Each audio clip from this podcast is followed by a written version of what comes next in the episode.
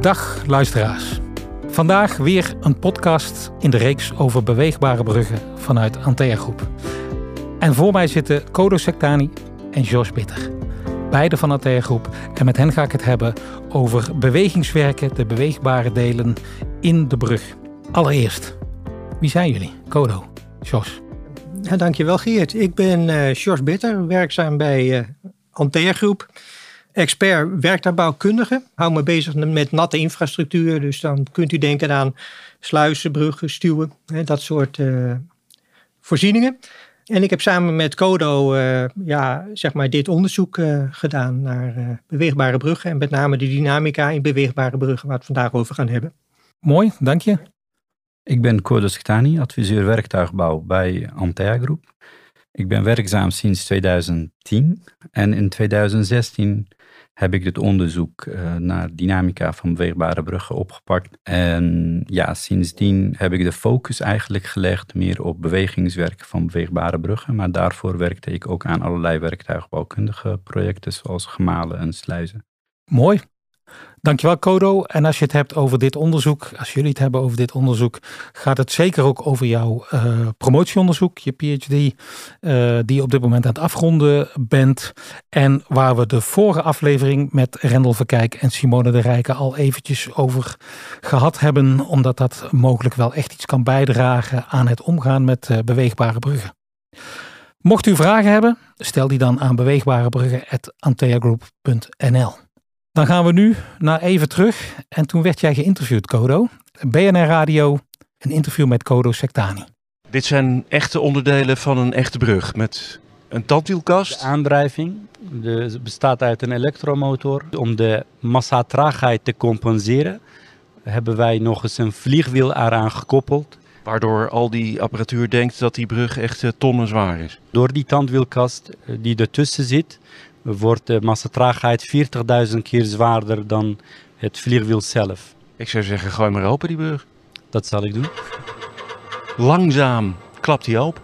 Wat leren we daar nou van als we beter weten hoe al die onderdelen belast worden bij het openen van zo'n brug?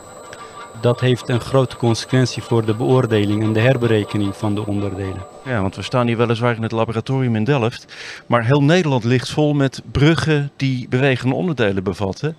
Ja, en die zijn uh, af en toe wel een beetje oud aan het worden. Maar dat wil niet zeggen dat ze aan vervanging toe zijn. En uh, omdat ze nog altijd goed functioneren en de belastingen die optreden, die zijn vaak niet zo hoog omdat het een normaal bedrijf is. Er worden geen noodstoppen gemaakt, er zijn geen uh, orkaankrachten aan windbelastingen. Dus uh, vandaar dat de in de praktijk blijkt dat de bruggen nog altijd een goede staat zijn. Wat is nou beter aan het model wat uit deze meetopstelling rolt dan aan het model wat tot nu toe altijd gewoon gebruikt wordt? Met dit model houden we ook rekening met over de overige variabelen die op dit moment ter vereenvoudiging weggelaten zijn. En, en welke zijn dat dan? Dat zijn demping, wrijving en speling. Vooral demping bij een noodstop kan een enorme effect hebben. En dat zorgt voor een reductie van de belastingen als je die hebt. En die meeneemt in je beschouwing. Oké, kunnen we een noodstop maken? Ik kan me zo voorstellen dat je dit niet eventjes uh, bij een brug kunt testen die uh, in vol gebruik is. Allereerst, je wilt in de praktijk niet de bruggen belasten met uh, zulke hoge belastingen. Ten tweede, het heeft ook stremming tot gevolg. We zijn even de brug aan het testen. Wacht u even, dames en heren. Dat vindt niemand leuk. Nee, nee. snap hem? Ja. En, uh, en, uh, en ook uh, omdat we een, bij een brug in de praktijk vaste parameters hebben. We kunnen niet spelen met de verschillende variabelen, waardoor geen verbanden ontdekt worden tussen de verschillende variabelen. Het is gewoon wetenschap eigenlijk. Dat is het ook, ja. Ik kan me zo voorstellen dat hier best interesse voor is, zo bij de diverse overheden, voor, dit, uh, um, voor deze wetenschap. Zeker weten. En in het licht van de grote vervangingsopgave die er is, of die zit aan te komen, is dit, dat kost heel weinig. Kijk, ik vind hem nog mooi ook, de brug.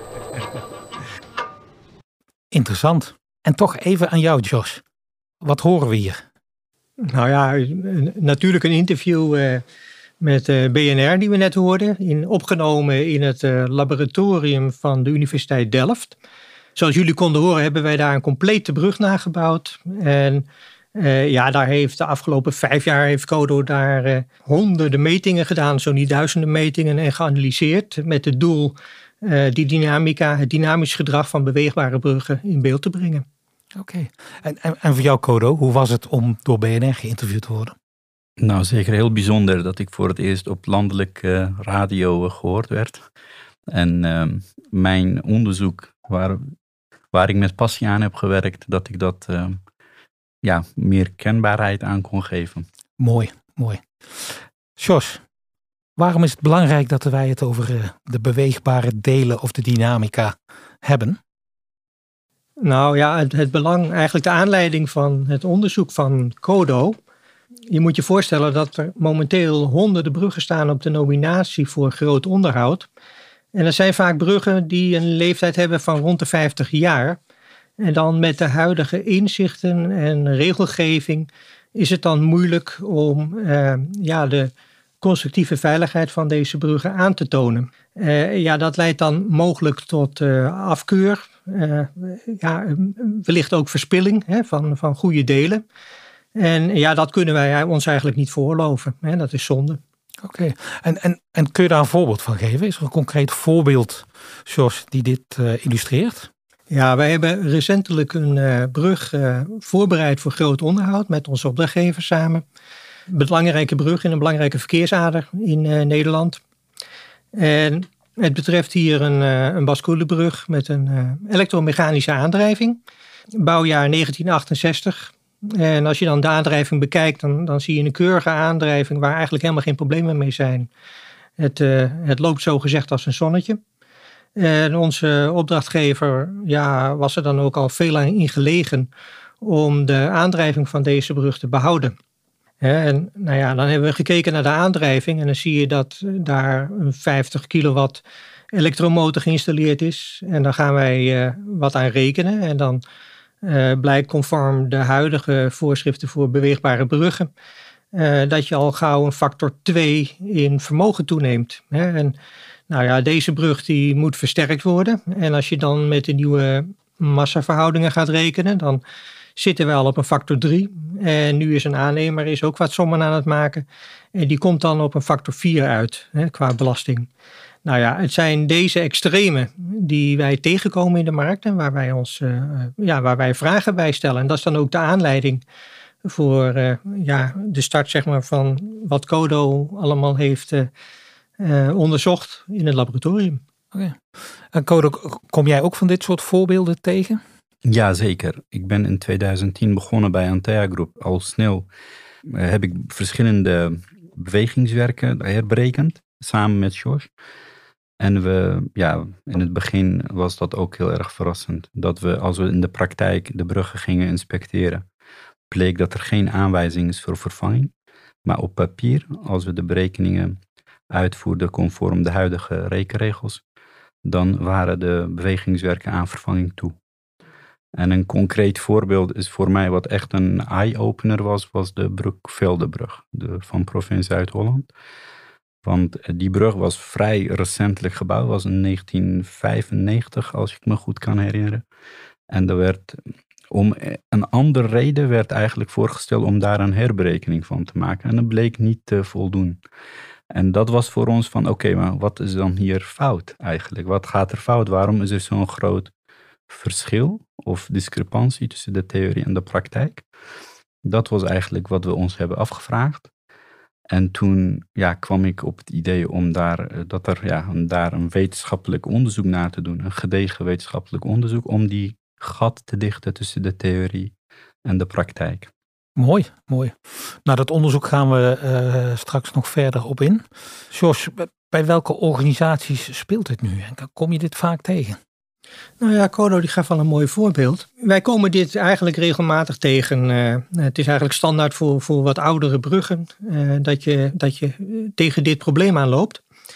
En lang niet altijd kun je het repareren. En het is ook de reden dat ja, instanties als Rijkswaterstaat, eh, ProRail, Provincie Zuid-Holland, maar ook marktpartijen als Hollandia en SCW eh, ons in dit onderzoek. En eh, ja, zij hebben dit onderzoek ook mogelijk gemaakt. Oké. En, en waarom moeten bewegingswerken, even in mijn woorden, eigenlijk gerenoveerd of vervangen worden? Nou, je moet je voorstellen, wij hebben heel veel beweegbare bruggen in Nederland. Ja, er zijn ja, zo'n beetje 1500 beweegbare bruggen en die zijn uh, gebouwd in de periode 1960, 1980. Hè, allemaal zo'n beetje 50 jaar oud. Ja, en als je je dan realiseert dat de ontwerplevensduur van een bewegingswerk over het algemeen zo rond de 50 jaar ligt, dan uh, kun je je wel voorstellen dat er een uh, grote opgave voor ons ligt. De belastingen op die bruggen. Ehm, ik hoor dat die ook flink zijn veranderd. Uh, zeker bij de oudere bruggen die in een andere tijd zijn ontworpen en aangelegd. Hoe zit dat? Nou, even voor de duidelijkheid. Als een brug niet verandert en de bedrijfsomstandigheden van zo'n brug niet veranderen, dan veranderen de belastingen natuurlijk ook niet tijdens een normale brugbeweging. Hè? Wat, wat er verandert is, wat ik al aangaf, de omstandigheden waaronder de brug functioneert. De, de, de, bruggen worden zwaarder belast en moeten daardoor vaak versterkt worden, waardoor de massabalans van zo'n brug verandert. En dat is niet het enige, maar de, de eisen die men aan bruggen stelt hè, verandert. En de rekenmethodieken die we tegenwoordig hanteren zijn anders dan uh, bijvoorbeeld in 1965.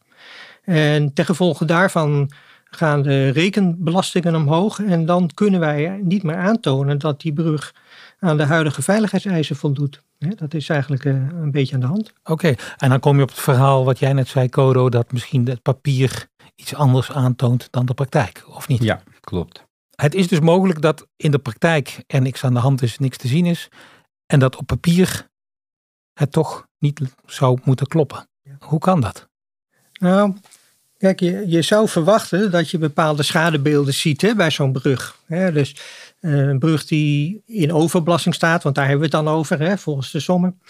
Ja, daar kun je schadebeelden verwachten en dan kun je denken aan afgebroken tanden, assen, koppelingen die het begeven, hè, dat, soort, dat soort zaken. En dat komen wij niet tegen. Hè. En een reden daarvoor is natuurlijk dat er onderhoud gepleegd wordt aan die bruggen. Als een beheerder of een onderhoudsmedewerker ziet dat een bepaald component problemen heeft, dan, dan zal men ingrijpen, dan zal men wat gaan doen. Verder moet je je voorstellen dat die bruggen zijn ontworpen met een bepaalde veiligheid.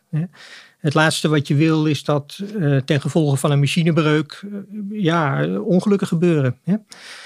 Nou, en waar wij ons eh, op hebben gericht is met name die berekeningen. Zit er nou een conservatisme in de berekeningen die wij momenteel maken? Hè? En ehm, uh, ja, dan kijken we daarnaar. Uh, mogelijk uh, is dat dan ook een van de redenen waarom we die schadebeelden niet treffen. Nou ja, dat zou mooi zijn. Ik leg even de link met het vorige podcast. En daar kwam naar voren dat het verzamelen van veel data, ook via sensoring en het gebruik van algoritmes, zouden kunnen gaan helpen om toch die een stukje conservatisme uh, daar, te gaan. Voordat we naar verder naar jouw onderzoek gaan, Kodo, maar zie jij dat soort ontwikkelingen ook als het gaat om die bewegende delen? Meer data, meer informatie en slimmer rekenen, waardoor je uh, misschien ook dat verschil tussen praktijk en papier wat verkleint? Jazeker. Ik, uh, dan hebben we het over voorspellend onderhoud.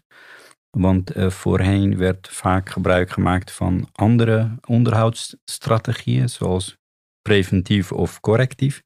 Maar je merkt dat steeds meer behoefte is aan voorspellend onderhoud. Dus je wilt eigenlijk op het moment dat, iets, dat er niks aan de hand is, ook niet ingrijpen, maar dat je dat wel kan voorspellen van wanneer je wel wat moet doen.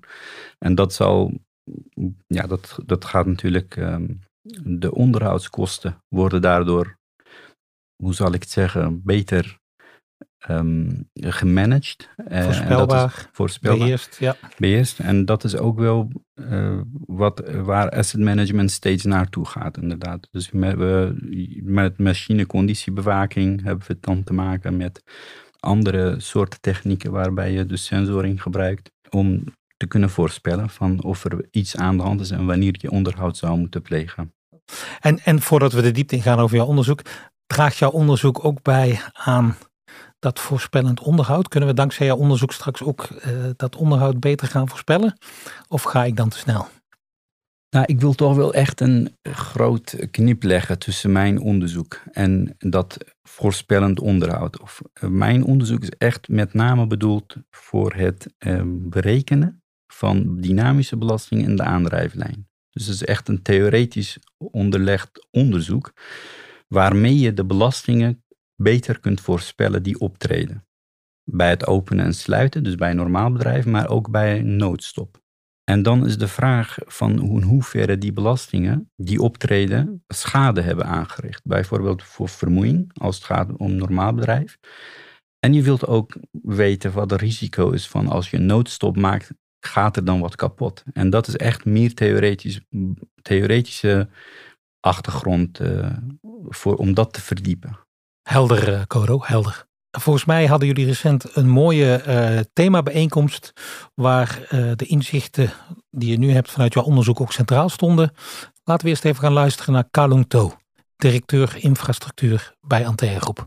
Ja, ik ben al aangekondigd. Mijn naam is Kalung To. Ik ben directeur infra en lid van het directieteam van Antea Groep in Nederland. Heel leuk dat jullie er allemaal zijn. Van harte welkom bij, bij deze themamiddag van beweegbare bruggen.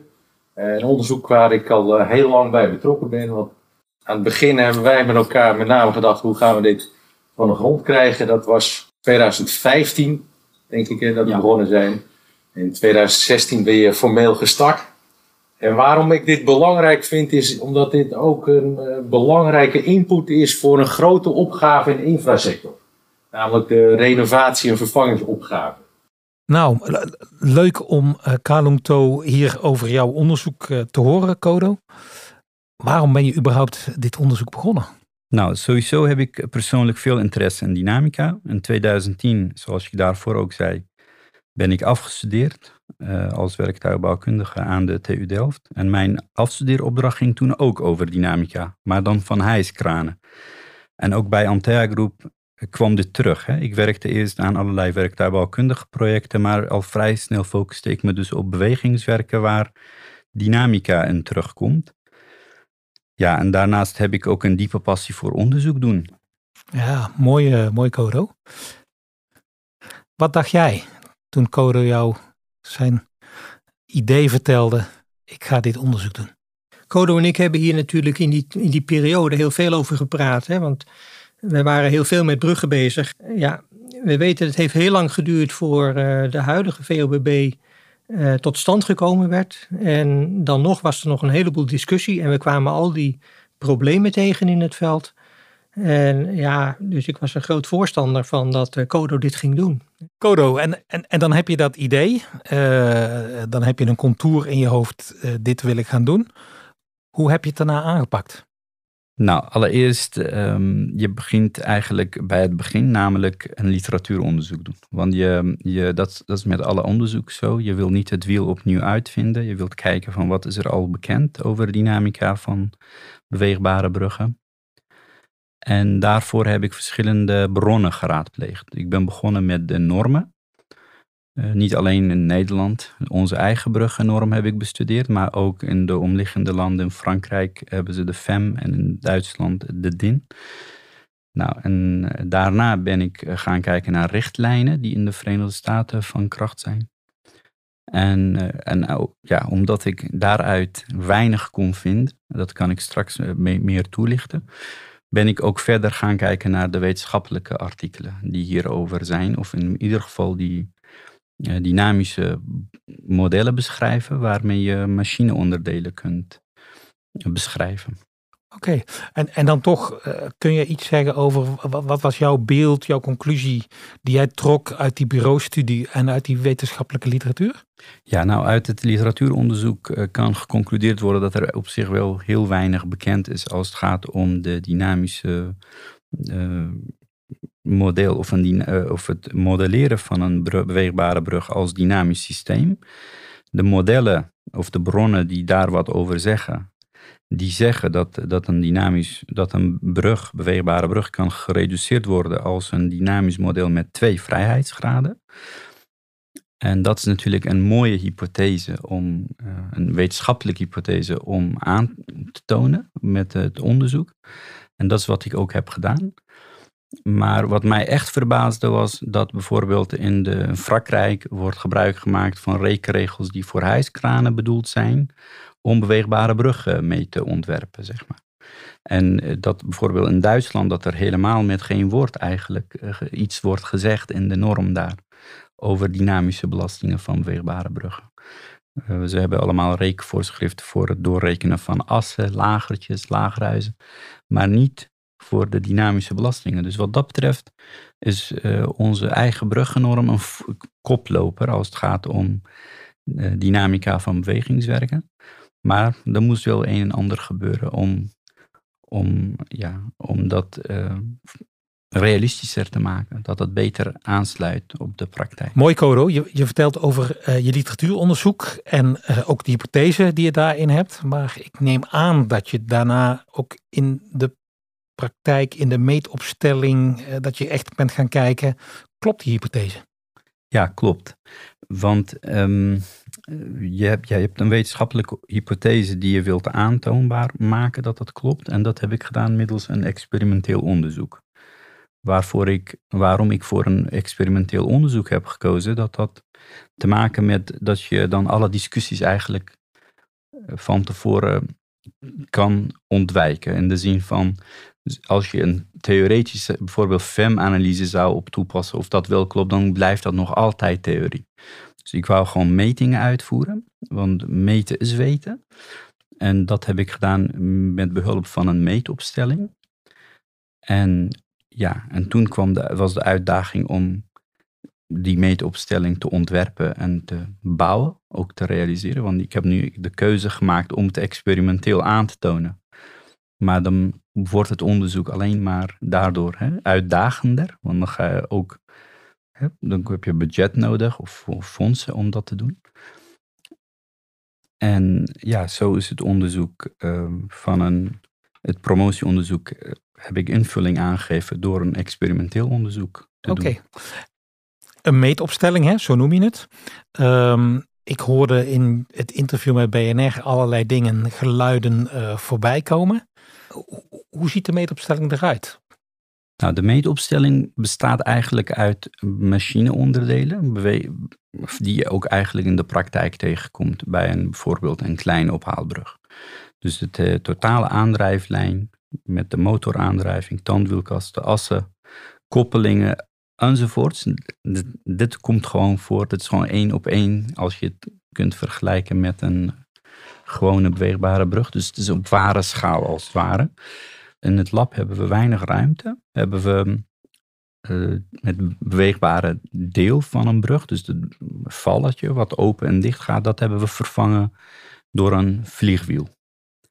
Om voor de massatraagheid te compenseren. Oké, okay. en uh, wat zijn de belangrijkste parameters, elementen die je in die meetopstelling gemeten hebt? Nou, allereerst, je hebt onafhankelijke variabelen. Dus dat zijn niet alleen de variabelen die je, die je meet, maar ook wat, waarmee je gaat spelen. We hebben massatraagheid van een kleine vliegwiel, wat ook in de praktijk voorkomt. Um, daarmee kun je spelen. Maar ook de massatraagheid van het grote vliegwiel, wat de beweegbare brug moet voorstellen. Um, daarnaast ook nog uh, hebben we gebruik gemaakt van verschillende variabele assen, waarmee je de flexibiliteit van de aandrijflijn kunt aanpassen, om daar het effect van terug te meten op de dynamische belastingen. Er zijn meerdere onafhankelijke variabelen. Uiteindelijk hebben we iets van tien onafhankelijke variabelen. En vervolgens uh, onze focus, of waar we echt in geïnteresseerd zijn, zijn de dynamische belastingen, de torsiemomenten die optreden op verschillende locaties in de aandrijflijn. En die hebben we gemeten. Maar om de metingen te kunnen vergelijken met de rekenmodellen, hebben we ook nog de, flex, uh, de snelheid en de verplaatsing gemeten. Zowel bij het kleine vliegwiel in het begin van de aandrijflijn als bij de brug. Dus uiteindelijk hebben we iets van meer dan 20 variabelen met onafhankelijk of afhankelijk variabelen die je dan gaat meten. Mooi, klinkt heel ingewikkeld, uh. Maar dat zal voor jou vast, uh, vast anders zijn. Jos, uh, ik neem aan dat je wel eens een keer bent wezen kijken in de meetopstelling. Ja, dat, eh, dat kan bijna niet anders. Hè? Ja, ja. Wat vond jij het meest opvallend als je daar was? Nou, ik vond het, ik vond het wel uh, mooi zoals die aandrijving was samengesteld. Je, ze, hebben daar gebruik gemaakt van een soort mecano-materiaal. en ja, we zijn toen natuurlijk ook met uh, de leveranciers van die tandwielkasten en Hollandia bezig geweest om die hele constructie daarop te bouwen. En uh, wat ik ja, ook indrukwekkend vond, is de, de aandacht die daar besteed werd aan de nauwkeurigheid om de uitleiding van de installaties en zo. Dus dat was echt heel erg mooi. En ja, die hele installatie staat helemaal chockvol met sensoren. Het is een, een, grote fabriek. Maar goed, dat, uh, dat hoort bij uh, dit soort onderzoeken. Ja, mooi, mooi.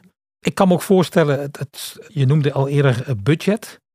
Waar moet ik aan denken, Kodo? Wat kost zo'n onderzoek en wie hebben geholpen om dat voor elkaar te krijgen? Nou, er zijn echt in totaal iets van 16 sponsoren bij betrokken geweest. We hebben echt alles gesponsord gekregen, tot aan de moertjes en bouwtjes, zeg maar. En dat is echt een heel mooie um, of een unieke uh, samenwerking geweest tussen al die verschillende partijen.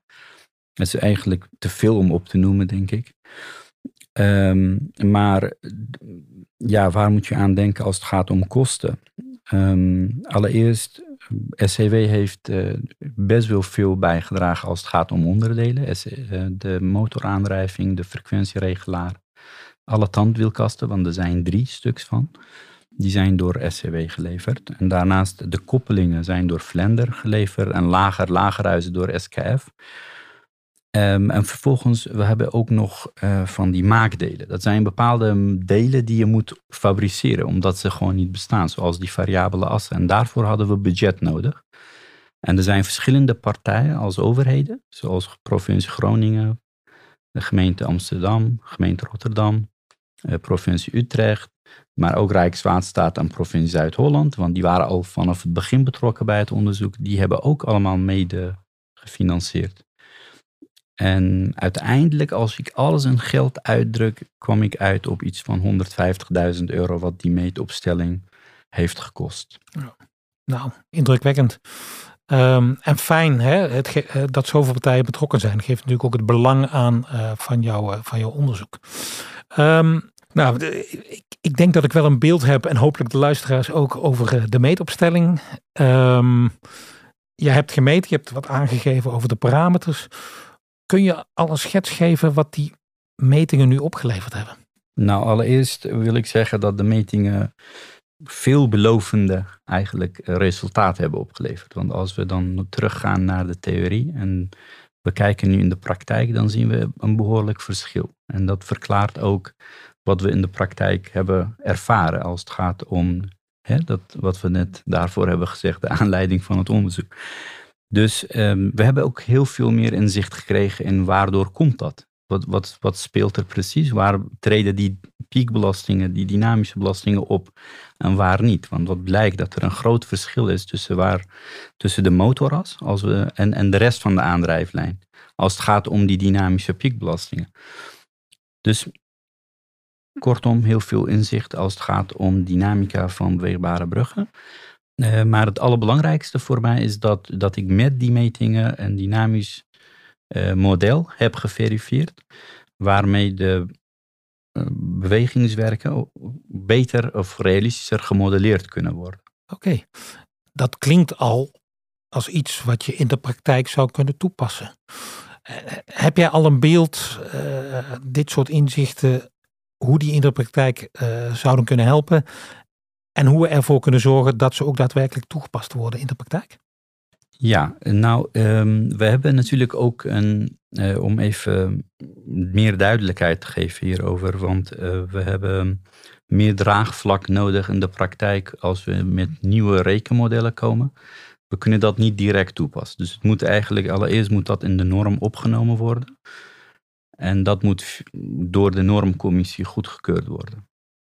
Maar uh, daardoor heb ik ook een begeleidingscommissie of een user committee heb ik in het leven geroepen die vanaf het begin betrokken zijn bij mijn onderzoek. En hierdoor heb ik geprobeerd om eh, de vakspecialisten op dit onderwerp mee te nemen, van waar ik mee bezig ben, zodat die draagvlak al gecreëerd is eigenlijk. En nu is de vraag van hoe gaan we zorgen dat de normcommissie zich hierover gaat buigen. Dus dat is iets wat aan hun ligt. En voor mij is het belangrijk dat ik mijn onderzoek heb afgerond of gaan eh, afronden en dat ik mijn resultaten met de wereld deel, waaronder ook de wereld van de beweegbare brug. En dan is het aan de normcommissie om dat in de praktijk toe te passen. Mooi. Jos, zit jij al te popelen om de resultaten van Codo te kunnen gaan gebruiken? Nou ja, ik zie hele goede mogelijkheden natuurlijk. Hè? Het, het aardige is, want Codo die heeft het over gat, maar uh, inderdaad, wij, wij hebben veel meer inzicht gekregen in het dynamisch gedrag van bewegingswerken. En dat is, dat is inderdaad heel erg belangrijk. Uh, een van de dingen die naar voren gekomen is, en dat gaf Codo net al aan, is dat wij rekenen piekbelastingen uit en we meten ze ook. En dat doe je eigenlijk ook met de huidige norm die er is. Daar zat niet een hele groot verschil in of zo. Maar met name wordt het duidelijk waar die piekbelastingen zitten en hoe ze zich door zo'n aandrijving heen uh, manifesteren. En ja, dat maakt dat je. Uh, ja, wij, moeten nu nog een stuk validatie gaan doen hè, voor, uh, de resultaten die, die Codo heeft uh, gekregen bij dit onderzoek. dat moet, we moeten nu nog gaan kijken van, nou ja, oké, dat is mooi dat dat ook zo werkt in een laboratoriumomstandigheid en dat wij dat reproduceerbaar kunnen meten en uitrekenen nu. Maar hoe gaat dit nu als we gaan kijken bij echte bruggen in, in Nederland en hoe verhoudt zich dat? En die validatie is nog erg belangrijk. En, en dat is ook erg belangrijk om zo direct deze resultaten dan ook te kunnen verwerken en uh, mee te kunnen geven aan bijvoorbeeld de normcommissie. Ja, toch de vraag die dan, ik denk op ieder slip uh, ligt, Codo. Wanneer rolt jouw proefschrift van de persen en kunnen we het gaan lezen? Heb je al een beeld wanneer uh, mogelijk het proefschrift er is?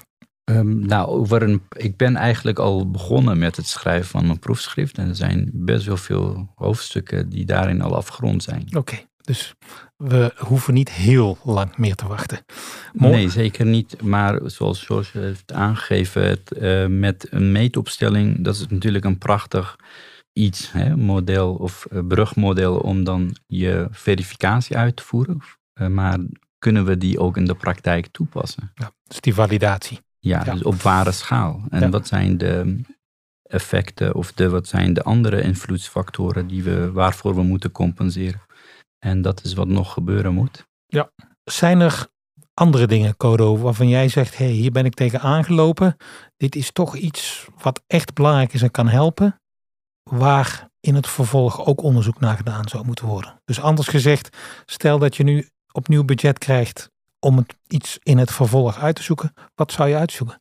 Nou, als ik nu budget zou krijgen, dan zou ik natuurlijk allereerst mijn validatiemetingen oppakken. Zeg maar. Want dat is, en dan wil ik dat niet alleen bij een basculebrug of een ophaalbrug dat doen.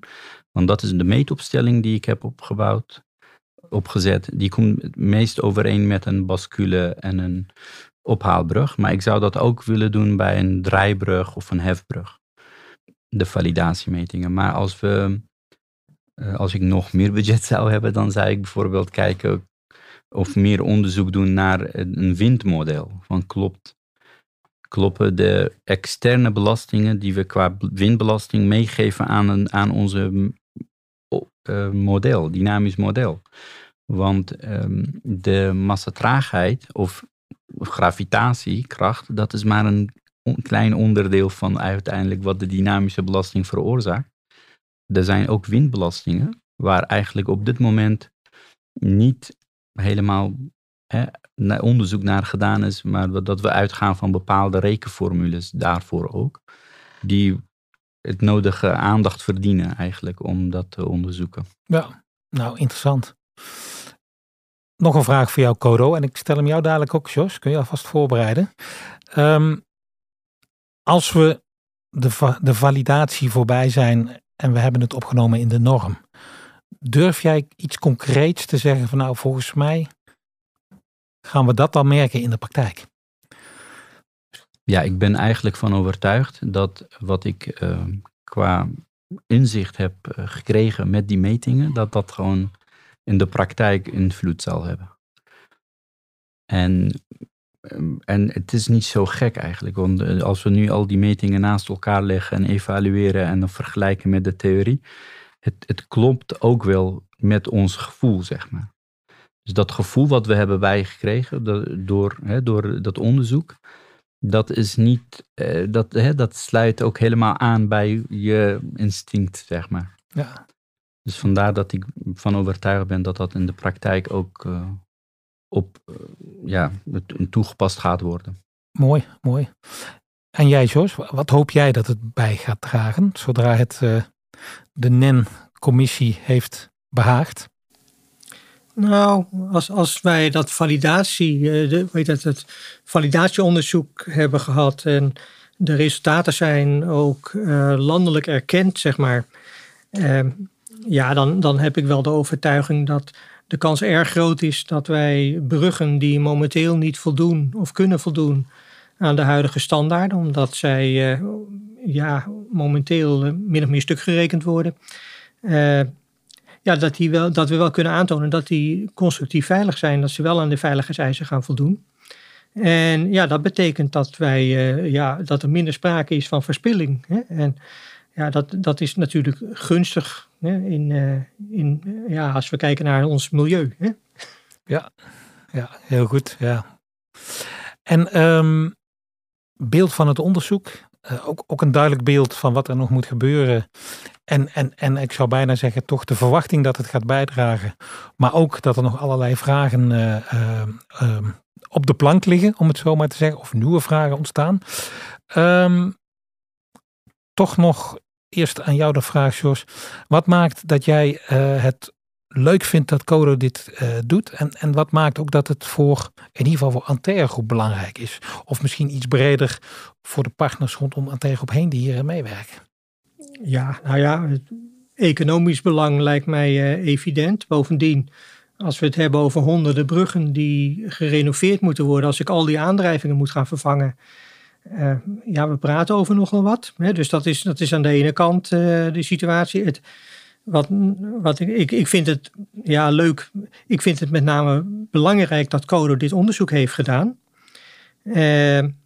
waarbij wij ja, en niet alleen wij, maar, hè, maar ook onze, de, de, de mensen die in zijn gebruikerscommissie zaten, ja, duidelijk meer inzicht hebben gekregen in, in wat er nu eigenlijk in zo'n bewegingswerk gebeurt. En dat is, vind ik ook een, een groot goed.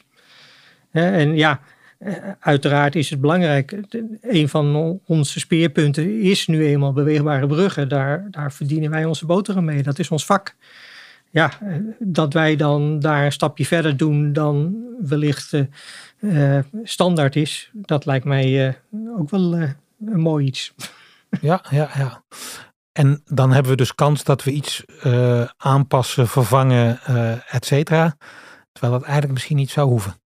Ja, ik heb, als, als de tandwielkasten niet voldoen of de tandbanen die erin zitten, ja, dat zijn enorme dingen ja, dan, dan moet dat vervangen worden. Dat, dat gaat over heel veel geld. Ja, ja. ik kan me ook voorstellen, uh, natuurlijk veel geld. Um, we maken natuurlijk ook de stap naar circulariteit, duurzaamheid. Misschien, Kodo, ja. hoe zie jij de relatie ook van jouw onderzoek van uh, het effectief, goed, slim omgaan met die bewegende delen met bijvoorbeeld een thema als circulariteit. Ja, zeker. Nou, het, het, uh, er ligt echt eigenlijk heel veel onderhoudswerk en daar, dan dat er budget is. Dus het is niet alleen belangrijk vanuit het kosteneffectiviteitsperspectief, maar ook um, draagt het onderzoek bij aan de, een circulaire en duurzame aanpak van de renovatieopgave. En dit is ook eigenlijk uiteindelijk een maatschappelijke relevantie van het onderzoek. En waardoor ook naast Antea Groep ook Rijkswaterstaat en provincie Zuid-Holland um, het onderzoek hebben mede mogelijk gemaakt. Ja, een belangrijke bijdrage aan circulariteit. Dat, uh, nou, ook mooi. Um, we gaan richting het einde. We hebben gehoord over uh, het belang van dynamica, het verschil tussen theorie en uh, praktijk daarin, in de bewegingswerken. En we hebben uh, stilgestaan en beelden gevormd bij jouw onderzoek, Codo, en bij de meetopstelling. Um, toch nog even twee vragen zo op het eind. Volgens mij heb je twee dingen over straks. Dat is tijd en een meetopstelling die er nog staat. Wat ga je ermee doen? Wat ga je met de meetopstelling doen, Codo? En daarna, wat ga je met al die vrije tijd die je na je proefschrift overhoudt? Wat ga je daarmee doen? Nou, de meetopstelling die is inmiddels al verhuisd naar Hollandia. In Krimpen aan de IJssel. En ik ga daar zeker mee verder. Dus we geven de meetopstelling een tweede leven wat dat betreft. En we zorgen dat we vervolgonderzoeken uitvoeren. In samenwerking met andere masterstudenten van de TU Delft, maar ook uh, andere misschien marktpartijen die interesse hebben. Bijvoorbeeld zouden we remtypen kunnen onderzoeken. Van wat is het effect van de verschillende remtypen op de dynamische belastingen. Want het onderzoek tot nu toe is niet in detail, heeft zich niet bezig gehouden met bepaalde componenten. En dat zouden we kunnen doen als vervolgonderzoek. En, ja, en dat is ook wat ik eigenlijk wil doen met mijn vrije tijd. Dus uh, vervolgonderzoeken uitvoeren, maar vooral ook uh, naast um, on het onderzoek wil ik graag een project de rol van een asset manager vervullen. Zeg maar. Oké, mooi. Dus uh, die vrije tijd, Codo, dat... Die is zo vol. Heel mooi. Um, nou, het, onderzoek van Kodo Sectani uh, stond centraal in deze podcast. Um, we hebben gesproken over het onderzoek. We hebben gekeken naar de praktijk daarvan, de omstandigheden, hoe het kan helpen.